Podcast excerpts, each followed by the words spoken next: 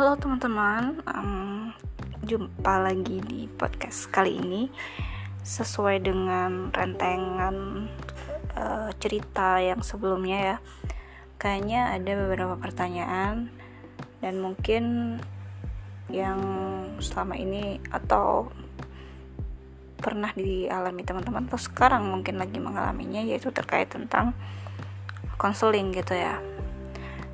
Ada sebuah stigma atau memang ya fakta ya di lapangan bahwa segala sesuatu yang berkaitan dengan kesehatan mental tuh mahal. Bener banget ya mahal banget kalau menurut aku pribadi karena memang mental itu kunci dari semua sehat-sehat yang lainnya gitu. Jadi ada beberapa kendala mungkin yang teman-teman pernah alami. Takut gitu ya ke psikolog karena mahal biasanya hitungannya per sesi itu satu sesi itu mungkin ya setengah jam atau satu jam gitu. Itu udah sekian ratus ribu atau sekian juta gitu kan. Belum lagi kalau mengikuti kelas intensif atau coaching atau konseling yang ya itu bisa dibilang cukup lumayan menguras kantong gitu. Sementara diri kita mungkin saat ini masih berjibaku dengan kondisi finansial yang belum stabil gitu. Lalu gimana gitu kan? Sementara di satu sisi kita sendiri mungkin uh, tidak tidak terlalu optimal gitu dalam uh, meng, apa, membuat atau mengeluarkan potensi kita yang sebenarnya karena tersandung uh, atau terhambat oleh uh, inner child atau luka-luka uh, atau emosi sampai emosi gitu ya. Jadi gimana dong gitu ya? Oke balik lagi.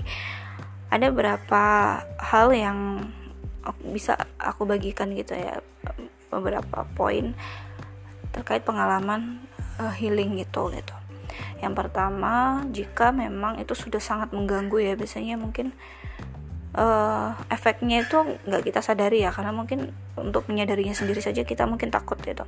Tapi ketika kita sudah sadar oh ini ternyata sudah uh, harus butuh bantuan nih gitu. Salah satunya ya menghambat produktivitas kita terus kita jadi kurang fokus. Kalau jadi orang tua mungkin kita jadi sembuh pendek gitu dan kita jadi kayak up and down gitu ya sangat uh, mood, mood swing banget gitu baperan.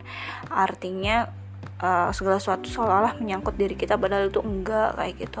Atau mungkin merasa hmm, kayaknya uh, susah banget membangun relasi yang sehat gitu ya. Entah dengan tetangga dengan teman atau ya pokoknya segala sesuatu yang berkaitan dengan keseharian itu sudah mengganggu ya. Ini artinya sangat perlu banget bantuan uh, ahli gitu ya. Namun sekali lagi memang tidak semua orang bisa mengakses itu teman-teman ya. Bisa jadi mungkin uh, kekuatan ekonomi kita beda-beda gitu ya. Ada yang mampu ada yang enggak. Nah ketika di kondisi yang tidak mampu atau belum bisa gitu apa yang dilakukan gitu ya? Yang pertama yang jelas untuk mengurai masalah atau akar masalah memang perlu perlu banget bantuan ahli gitu ya dan yang paling mudah saat, ini di zaman teknologi bisa menggunakan aplikasi ya halodoc atau apa yang itu ada ada sesi konselingnya.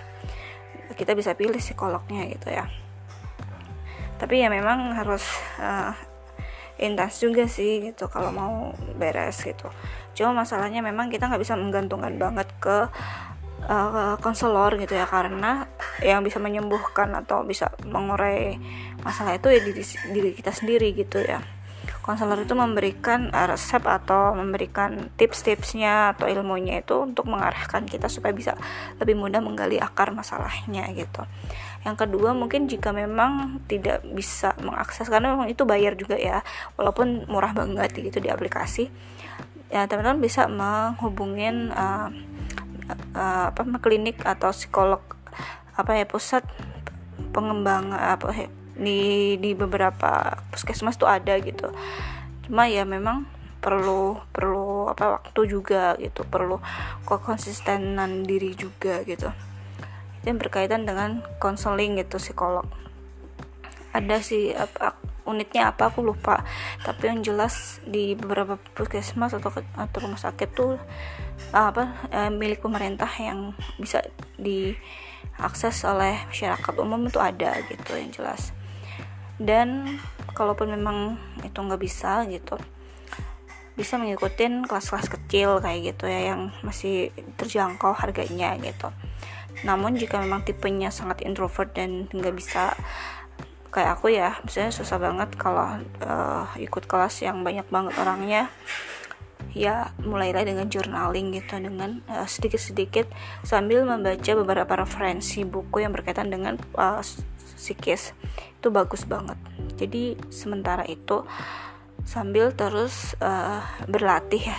Jadi intinya itu kita memang harus melatih diri kita supaya tetap uh, sadar gitu untuk mengurai segala emosi itu gitu. Dan itu pelan-pelan sih nggak bisa instan juga. Dan jika uh, paling bagus sih paling efektif memang journaling. Setiap hari gitu journaling kita tahu emosi kita perasaan kita trigger triggernya apa. Terus kita kalau lebih jauh lagi bisa uh, refleksi gitu ke belakang backstory kita kayak gimana gitu.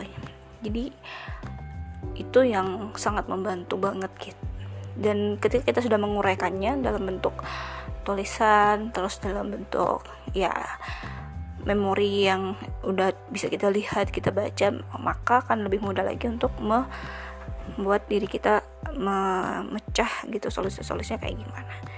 Oke itu sekian dari podcast hari ini. Sampai jumpa lagi di episode selanjutnya. Bye